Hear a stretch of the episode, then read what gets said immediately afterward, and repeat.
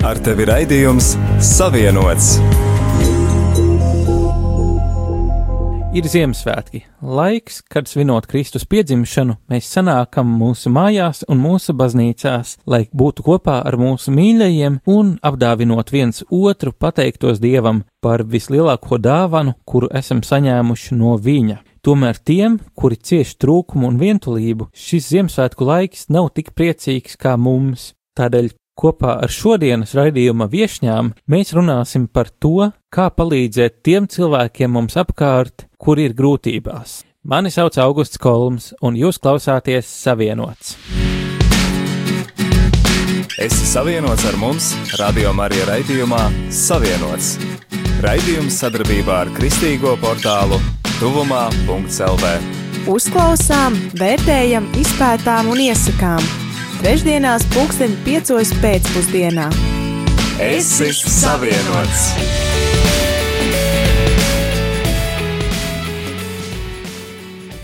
Mūsu reportiere uzrunāja uz ielas satiktus cilvēkus un jautāja viņiem, vai viņi Ziemassvētku laikā ir laimīgi un kā viņi palīdz tiem, kuri ir grūtībās.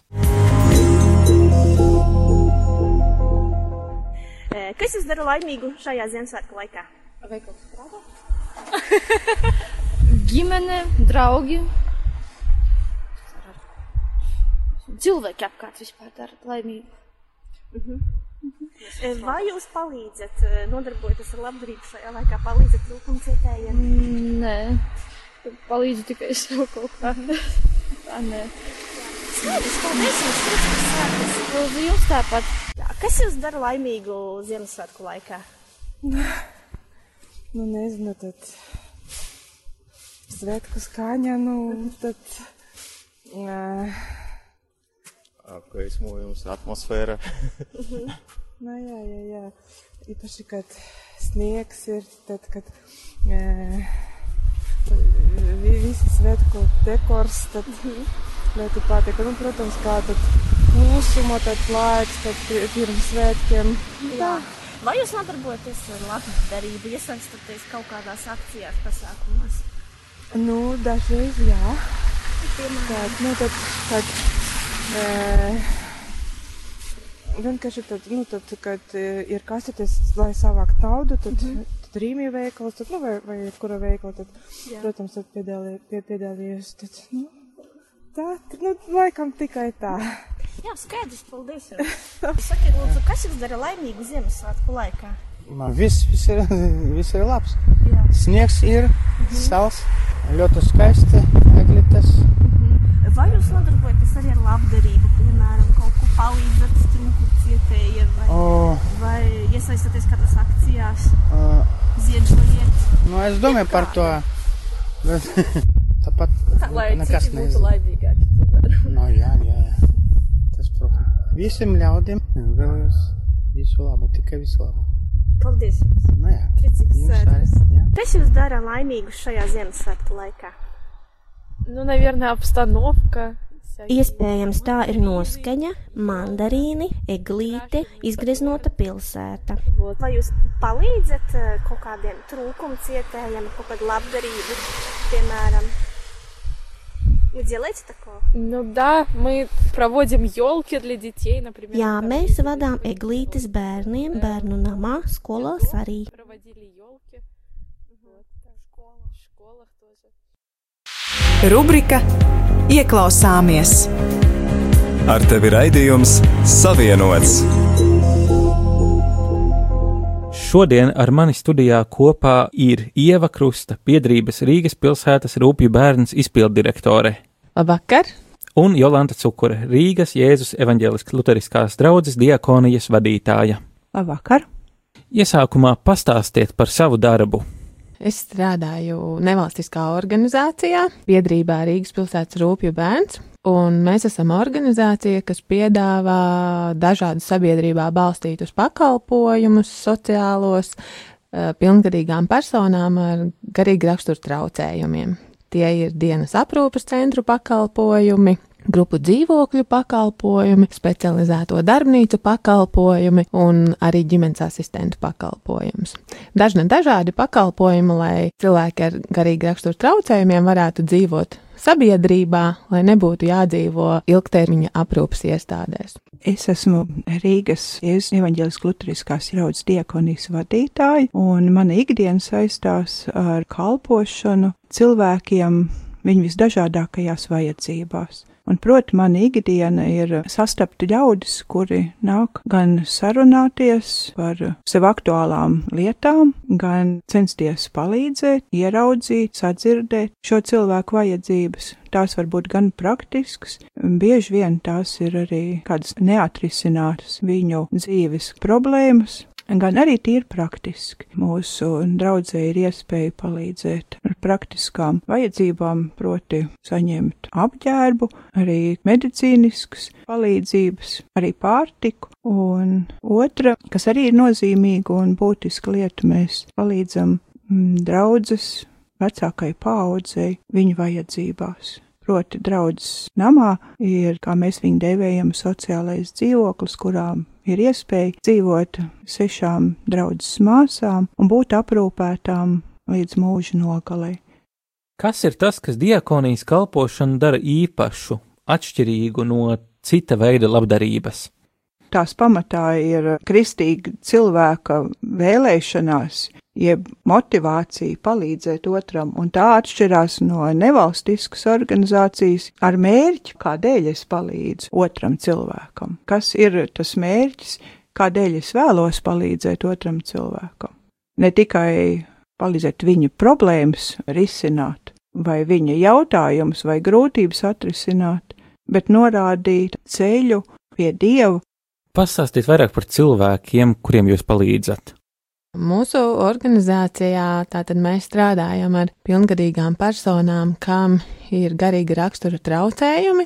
Tas nozīmē, ka šiem cilvēkiem var būt gan intelektuālās attīstības traucējumi, gan arī psihiskās saslimšanas. Un kādam papildus šo veidu funkcionāliem traucējumiem var būt arī kustību traucējumi, dažādas citas saslimšanas, varbūt arī redzes traucējumi, dzirdes traucējumi. Liela daļa ir tādi, kas ir dzīvojuši ģimenēs, un kļūstot pilngadīgiem un pabeidzot speciālās skolas, viņi meklē tālāk savu vietu dzīvē, savu vietu sabiedrībā, bet ir daļa mūsu pakalpojumu saņēmēji arī tādi, kuri visu mūžu ir pavadījuši institūcijās, bērnu namos, speciālās skolās, internāta skolās, pansionātos, un šobrīd nonākuši pie mums, lai varētu dzīvot sabiedrībā un būt līdzās ikvienam sabiedrības loceklim un atbilstoši savu spēju, prasmju līmenim iesaistīties visās sabiedrībās aktivitātēs.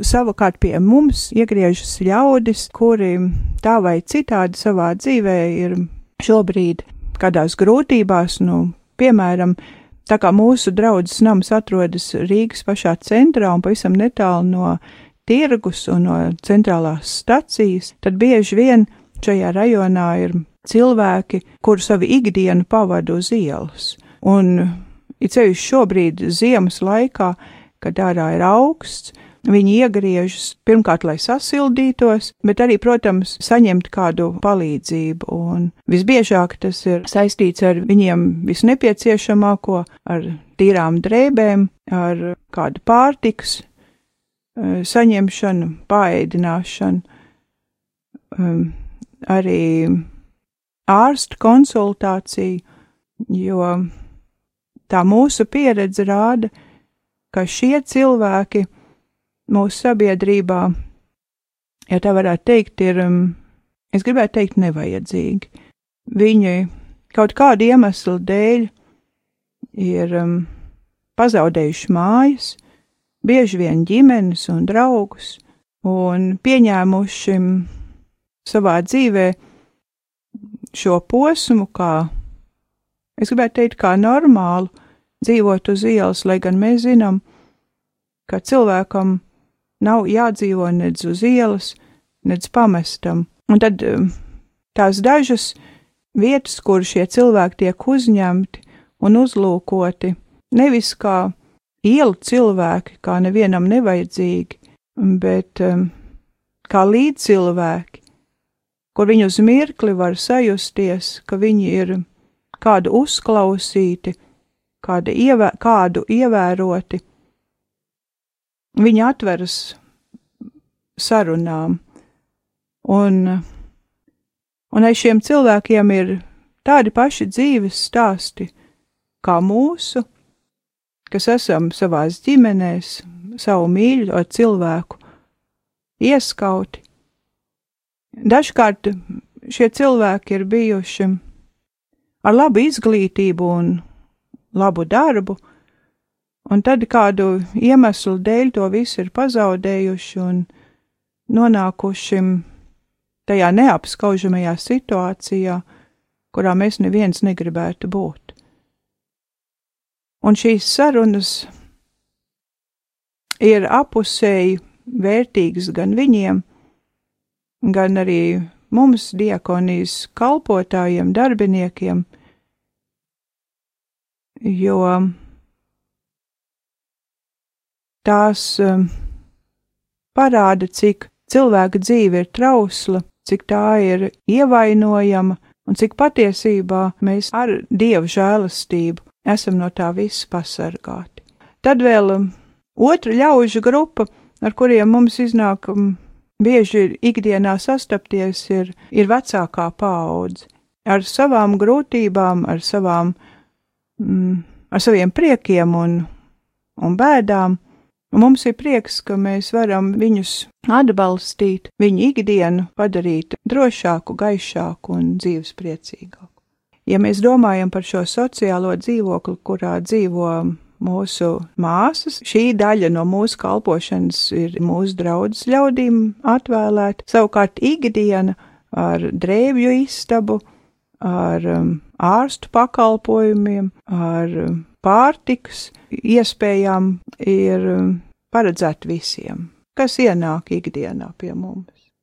Mūsu organizācija ikdienā sniedz atbalstu gandrīz 200 uh, Rīgā dzīvojošām personām ar garīga rakstura traucējumiem, un aiz katra no šiem cilvēkiem ir savs stāsts varu pastāstīt par vienu meiteni, kas ir bārenē un visu mūžu pavadījusi bērnu namos, speciālās skolās, internāta skolās, un e, pirms trijiem gadiem viņa pārcēlās no kāda pakalpojuma, kas atradās tālu prom no Rīgas, nomaļā vietā, pārcēlās uz Rīgu, jo viņam bija dzimusi Rīgā, un kādreiz viņas ģimene bija dzīvojusi Rīgā, un tāpēc viņai sasniedzot pilngadību bija jāatgriežas Rīgā.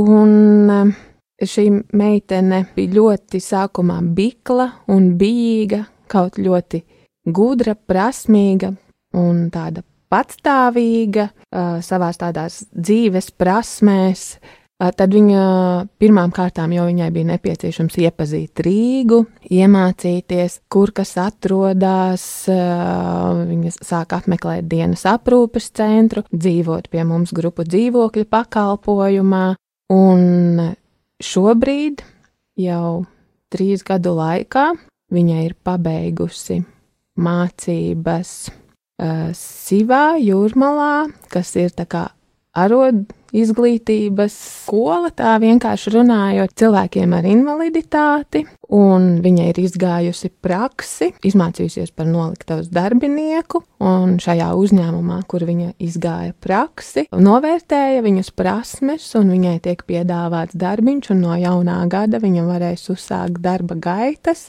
Un atkal tādā patstāvīgā dzīvē viņa ir pierādījusi, ka viņa spēja dzīvot patstāvīgi atsevišķā dzīvoklītī. Viņa no pašvaldības ir saņēmusi sociālo dzīvokli, kur eh, ģimenes asistents viņu regulāri apmeklē, sniedz viņai nepieciešamu atbalstu savu budžeta plānošanā, rēķinu apmaksā.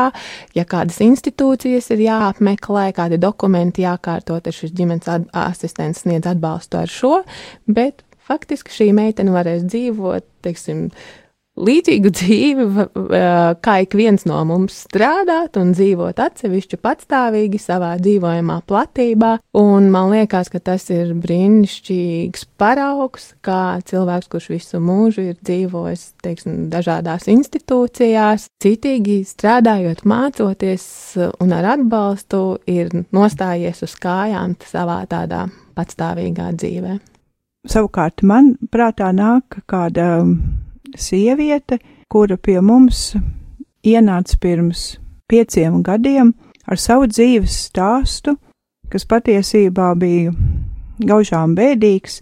Viņa bija augusi bērnu namā, tad kādu laiku bija pametusi to, viņa bija klaiņojusi, viņa bija notvērta un atzīta par psihiski nepieskaitāmu cilvēku un ievietota sociālās aprūpes namā ar garīga rakstura problēmām kas, protams, atstāja uz viņu gaužām lielu iespaidu. No tā viņa arī pamanījās kaut kādā veidā izmukt un nokļūt Rīgā pie saviem radiem, un patiesībā viņai tik lielas problēmas nemaz nebija. Šie viņas radi centās sakārtot visu, lai viņi varētu dzīvot ārpus aprūpas nama. Bet tad gadiem ejot, bija dažādi citi dzīves sarežģījumi, kuru rezultātā viņa ilgstoši palika bez mājām un bez regulāriem ienākumiem. Patiesībā sākās dzīve uz ielas, un, kā jau es teicu, viņa pie mums ienāca gadus četrus atpakaļ, ar stāstu, ka viņai, viņai nav vairāk nekā, bet tā uzmanīgi klausoties viņu, mēs sapratām, ka viņa grib kaut ko mainīt. Un tad nu nācās mums viņai līdzi iet un palīdzēt kārtot viņas ikdienu. Tas prasīja arī no mums uzņēmību, apmeklējot dažādas sociālā dienesta iestādes, kārtojot gan viņas ienākumus, gan arī kārtojot mitekli viņai. Pēdējo divu gadu laikā viss ir tā kārtojies, ka viņi var tagad saņemt tik mēnešu ienākumus, kas pienākas cilvēkam ar invaliditāti. Viņa dzīvo arī grupu dzīvoklī un ikdienā ienāk pie mums, lai teiktu, cik labi viņai ir. Viņa vakar bija ienākusi ar visu to savu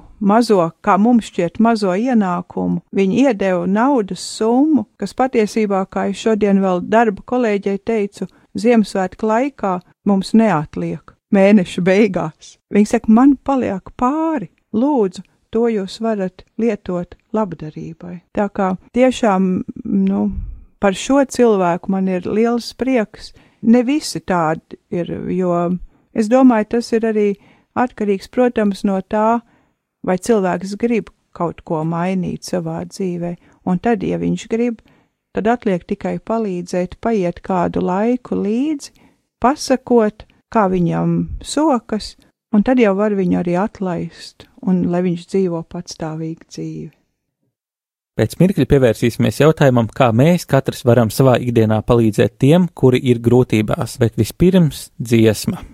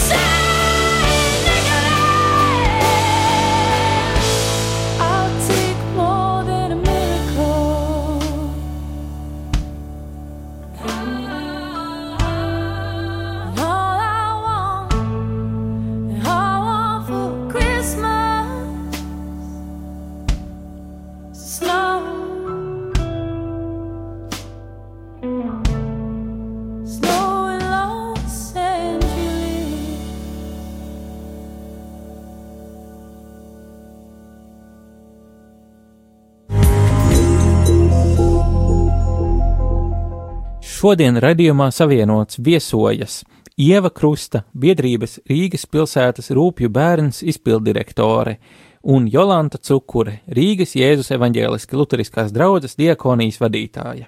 Šā gada 15. novembrī LSM LV publicēja rakstu Skaitļi un fakti - Baltijā labdarībai vēl telpa izaugsmēji, kurā argumentēts, ka atbilstoši pasaules laimes indeksam latvieši nemaz nav tik devīgi, cik viņiem pieklātos būt, ņemot vērā valsts iekšzemes koproduktu. Vai jūs piekrītat šim novērojumam? Man grūti ir komentēt skaitliski vai statistiski, bet eh, man liekas, ka pēdējā laikā gan sociālos tīklos, gan masu mēdījos ir tik daudz kā lūgumi pēc palīdzības, un katrā no tiem mēs redzam, cik cilvēki ir atsaucīgi. Gan kad kādam cilvēkam ir veselības problēmas, pieaugušam vai bērnam, vai kādai ģimenei notikusi nelaime, piemēram, māja nodegusi. Man liekas, ka pamata teikt, ka latvieši kā nācija vai Latvijas iedzīvotāji būtu neatsaucīgi. Es galīgi negribētu piekrist šim te apgalvojumam. Un arī ikdienas darbā, kaut mūsu organizācijā tā mērtiecīgi nevāc ziedojumus, jo mūsu uzskats ir, ka mums gribās ar mūsu jauniešu un pakalpojumu saņēmēju darbu pierādīt, ka mēs varam radīt sabiedrībai noderīgas lietas, citiem cilvēkiem praktiskas noderīgas lietas vai iesaistīties dažādās aktivitātēs ar saviem talantiem un savām prasmēm. Vienalga mūs vienmēr atrod organizācijas vai cilvēki, kas grib palīdzēt un atbalstīt mūs dažādos veidos. Tā kā, jā, es varu tikai teikt labāko par cilvēkiem, par atsaucību un vēlmi palīdzēt. Jā, arī mana pieredze rāda, ka cilvēki ir ļoti atsaucīgi. Vārds labdarība man asociējās ar darbošanos, bet varbūt ne tikai materiālā ziņā, ziedojot līdzekļus un kādas materiālas lietas. Tas ir arī, manuprāt, laiks, kuru mēs ziedojam kādiem cilvēkiem. Tas ir arī talants un prasmes, kuras mēs esam gatavi dot, nesagaidot pretī neko, un arī šis ir labdarība. Tā kā es domāju, ka skaitļi rāda vienu, taču pieredze, manuprāt, ir ļoti laba, ko cilvēki ir gatavi dot, ziedot un dāvināt no sevis, nesagaidot pretī itin neko. Domājot par nākotni, kam būtu jābūt mūsu mērķim, vai mēs gribētu ieviest Latvijā tādu visaptverošu sistēmu, kur valsts iekasē nodokļus un atbilstoši cenšas rūpēties par visiem, kas ir grūtībās, vai lielāku uzsvaru likt uz to, ka cilvēki brīvprātīgi ziedo kā personīgus ziedojumus vai baznīcā, labdarībām un tā tālāk. Gan, gan. Es domāju, tas būtu mm, ļoti labi un svētīgi, ja mūsu valstī būtu sakārtots, ka cilvēks var dzīvot droši, tas nozīmē arī priecīgi un laimīgi, un līdz ar to cilvēks būtu priecīgs dot arī tālāk to, ko viņš saņem. Tikai balstīt um, palīdzību uz citu cilvēku saziedoto vai atvēlēto, es nedomāju, ka tā būtu laba prakse, jo valsts iedzīvotāji sagaida no valsts vīriem atbildīgu rīcību. Es uzskatu, ka jomās, piemēram, kā bērnu veselība un bērnu veselības aprūpas nodrošināšana, tur būtu jābūt valsts atbalstam, un kaut mums notiek dažādas fantastiskas ziedojuma akcijas, kur cilvēki tiek aicināti ziedot līdzekļus, lai palīdzētu bērniem risināt dažādas veselības problēmas. Tādām akcijām faktiski nebūtu jānotiek, jo ģimenēm un šiem bērniem būtu jāsaņem viņiem nepieciešamais atbalsts no valsts. Tajā pašā laikā, lai arī kāda būs sistēma, atbalsta sistēma valstī, pašvaldībā, es domāju, vienmēr būs kaut kāda vajadzība kur būs nepieciešami ziedojumi un tāds brīvprātīgā darbā atbalsts no sabiedrības, un tā tas arī ir bijis visos laikos. Tāpēc pilnīgi atkal izslēgt to un izvairīties no tā mēs nevarēsim un arī nevajag, jo tā ir cilvēka būtība arī gribēt palīdzēt kādam, kam ir nepieciešams. Man liekas, tas ir fantastiski, kad ir cilvēkiem šāda vēlme. Kā jūs vēlētos izmainīt sabiedrības domāšanu? Viens ir, kas, manuprāt, arī jau mazliet mainās, kad palīdzēt un sniegt atbalstu tiem, kam ir nepieciešams, var visu cauru gadu, nevis tikai tuvojoties Ziemassvētkiem. Un otra lieta, kā mēs redzu, tādas pozitīvas izmaiņas, ka par cilvēkiem, kas varbūt ir grūtībās nonākuši, tiek mācīts jau skolas vecuma bērniem, vai pat jau bērnu dārzos, un es varu minēt konkrētus piemērus. Tieši šodien pat ar kolēģiem runāju. Viena no mūsu struktūra vienībām šogad ir uzsākusi sadarbību ar vienu skolu, kur viena klase projektu nedēļā ir izvēlējusies veikt labu projektu, labo darbu un uzsākusi sadarbību ar vienu no mūsu struktūra vienībām un organizēja mūsu klientiem ekskursiju uz zooloģisko dārzu. Tagad jau ir ieplānotas kopējas Ziemassvētku svinības, un tādā veidā arī jau skolēni iepazīst, teiksim, cilvēkus ar invaliditāti, kad no viņiem nevajag baidīties, kad viņiem var droši tiešām arī sniegt atbalstu, jau iemācās konkrētus atbalsta veidus, paņēmienus, kā arī kā sarunāties un tā tālāk. Un otrs piemērs, kā šis pats centrs arī ir uzsācis sadarbību ar vienu bērnu dārzu, kur viena bērnu dārza grupiņai ir izvēlējusies zīmēt Ziemassvētku apsveikumus, konkrēti mūsu centram, mūsu organizācijai. Un tas atkal ir fantastiski, kad bērniem jau tiek stāstīts, ka ir dažādas organizācijas, dažādi cilvēki. Pagājušā gadā šī grupiņa bija zīmējusi apsveikumus veco ļaužu pansionātam un veciem cilvēkiem. Šogad viņi zīmē apsveikumus cilvēkiem ar invaliditāti. Man liekas, arī fantastiski. Un tā jau, teiksim, no agras bērnības, arī no skolas gadiem tiek uzzināts par, par dažādām cilvēku grupām, kam ir nepieciešams atbalsts. Kas būtu viens padoms, ko ņemt vērā, komunicējot ar cilvēkiem, kuriem ir kādi garīgās veselības traucējumi? Droši vien, ka nav tāda universāla ieteikuma, cik cilvēku, tik situāciju, tāpat kā arī ikvienu no mums, kādam patīk, kad viņam nāk klāt kāds uzrunā, kādam nepatīk. Līdz ar to es domāju, ka nav nekāda īpašākā attieksme vai īpašāka izturēšanās veida. Vienkārši izturēties ar cieņu pret ikvienu. Droši vien tas būtu tas galvenais. Un arī tad respektēt tā cilvēka sajūtas un viņa viedokli. Uzklausīt tā cilvēka viedokli. Es domāju, šis vispār šie pēdējie nu, 20 gadi, kuros mēs dzīvojam, sabiedrību ir izgaismojis kā ļoti dažādu. Pati esmu piedzīvojusi padomu laikus, kuros visi bija veseli, cilvēki ar vajadzībām, ko mēs dēvējam par invalīdiem. Tādu vispār nebija, it kā nebija. Arī trūcīgi cilvēku bija gaužām maz, un visi bija laimīgi. Šie 20 gadi, kuros mēs šobrīd dzīvojam brīvā valstī, ir atbrīvojuši arī mūs no šīm nepareizajām domām. Mēs esam ieraudzījuši, ka mēs esam ļoti dažādi, mēs esam mācījušies pieņemt šo dažādību, dažkārt ar grūtībām, un tomēr es domāju, uz to raugoties, var pateikties Dievam, ka mēs līdzās esam tik dažādi. Tie, kur ir nonākuši grūtībās, tiem nav jāslēpjas, tie drīkst iznākt sabiedrībā, būt pieņemti, saprasti, savukārt tiem cilvēkiem nosacīti, kur ir veseli, jauni, darbspējīgi. Ir bijis jāmācās šos cilvēkus uzņemt savā sabiedrībā, par viņiem parūpēties, un es domāju, tas ir tāds apusēji labs laiks, kurā mēs atrodamies. Kādas būtu mūsu klausītāju iespējas izdarīt kaut ko labu cilvēkiem grūtībās jau šodien? Kas ir tā labdarība, ko ik viens varētu veikt katru dienu?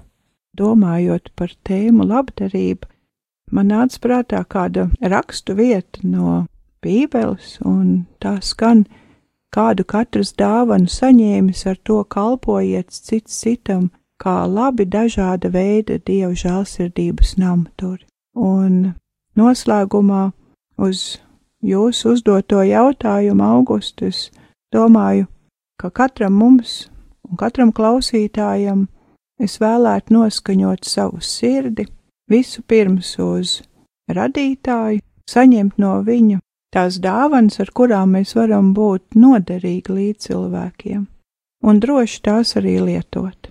Un tas, kas būs šis labais darbs, kuru es rīt, parīt vai tuvākajā laikā darīšu, tas nāks pats pretī, to katrs no klausītājiem spēs ieraudzīt.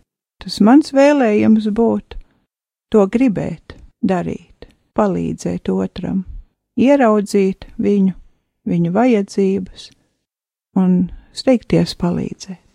Es domāju, ka ikviena organizācija, kas strādā vai sociālo pakalpojumu jomā vai labdarības jomā, droši vien ir atvērta, lai pieņemtu dažādas praktiskas lietas, kas var būt noderīgas praktiskā dzīvē tiem cilvēkiem, kas ir nonākuši grūtībās, un tas var būt gan, gan apģērbs, gan dažādi sadzīves priekšmeti, gan arī dažādas mājasaimniecības preces, kaut kas tam līdzīgs. Bet tās ir tikai tādas, jā, materiālās lietas. Gribētu aicināt katru, parasti jaunajā gadā ir kādas apņemšanās, un tad viena no tām varbūt tās varētu būt tāda tiešām, ja līdz šim nav, nav bijusi tāda iespēja kaut kur iesaistīties kādā jā, vai labdarības darbā vai brīvprātīgā darbā, kaut uz kādu atsevišķu pasākumu. Tad varbūt to var atrast un izmantot, vai atkal, ja nav tāda iespēja, tad ikdienā varbūt redzot kādu cilvēku ar invaliditāti, vai, vai ikvienu līdzcilvēku varbūt nepaiet garām, bet sniegt to atbalstu, kas varbūt tajā brīdī ir nepieciešams. Un varbūt jau nav jābūt nemaz cilvēkam ar invaliditāti, cik daudz cilvēkiem varbūt ikdienā paiet, paiet garām kaut vai ja ir raudošs bērns uz ielas, vai mēs paskatāmies, vai, vai kaut kur tūmā ir kāds pieaugušais, kas par viņu uztraucās, vai kāds varbūt pakritis, vai mēs pieejam klāt un paskatāmies, kas tam cilvēkam varētu būt, kāda palīdzība nepieciešama, nepalikt vienaldzīgam kaut kādās situācijās, kur mēs redzam, kur atbalsts varētu būt nepieciešams. Un sākot ar visparastākiem līdzcilvēkiem un arī tiem, kas nonākuši ir grūtībās. Mūsu raidījuma laiks tuvojas noslēgumam, man ir jūs jālaiž vaļā, bet vispirms, kur jūs varat vislabāk atrast - klātienē un internetā? Mūsu organizācijas pamata atrašanās vieta ir Rīgā, Balvu ielā 11. Tur ir mūsu organizācijas administrācijas ēka, un tur mēs katru darba dienu esam uz vietas no 9 līdz 5. Bet arī mūsu aktivitātēm var sekot Facebook lapā Rīgas pilsētas rūpju bērns. Un savukārt mani var sastapt Jēzus draudzes diakonijas namā, Dzirnavielā 118, katru dienu no 9 līdz 17. un svētdienās Jēzus baznīcā, pirms un pēc dievkalpojumu un citādi sociālajā saziņu tīklā. Facebookā ir Jēzus draudzes diakonija. Ja klausītāji vēlētos piedalīties ar kādu ziedojumu, mantā vai naudā vai citādi, vai savu darbu, kādas ir iespējas, Jā, tieši tāpat dzirnavielā 118 darba dienās, darba laikā droši varat nākt, zvanīt 67 22 00 84. Telefona numurs, pa kuru jūs varat pieteikt ziedojumus, drēbes, sadzīves priekšmetus, ar ziedojumiem griezties Jēzus baznīcā vai pie mums diakonijā. Jā, mums arī var rakstīt Facebook, apmeklēt mūs, mūsu atrašanās vietā, Balvielā 11 vai arī jebkurā no mūsu biedrības struktūra vienībām, kas atrodas dažādās Rīgas vietās. Facebook lapā apskatoties var uzzināt šīs adreses, bet arī var zvanīt man pa tālruni 28 45 66 78. Šodien ar mani studijā kopā bija Ieva Krusta, biedrības Rīgas pilsētas rūpju bērns izpildirektore, un Jolanta Cukure, Rīgas Jēzus evaņģēliski luteriskās draudzes diakonijas vadītāja. Nākamreiz tiksimies jaunajā gadā, bet līdz tam sekojiet līdzi aktualitātēm Tuvumā LV, kā arī sociālajos tīklos, Twitter kā at Tuvumā un Facebook kā Tuvumā LV. Tiekamies jaunajā gadā!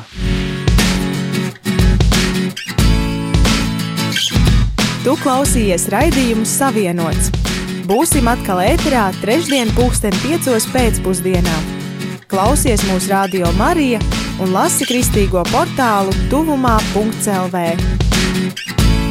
Es esmu savienots!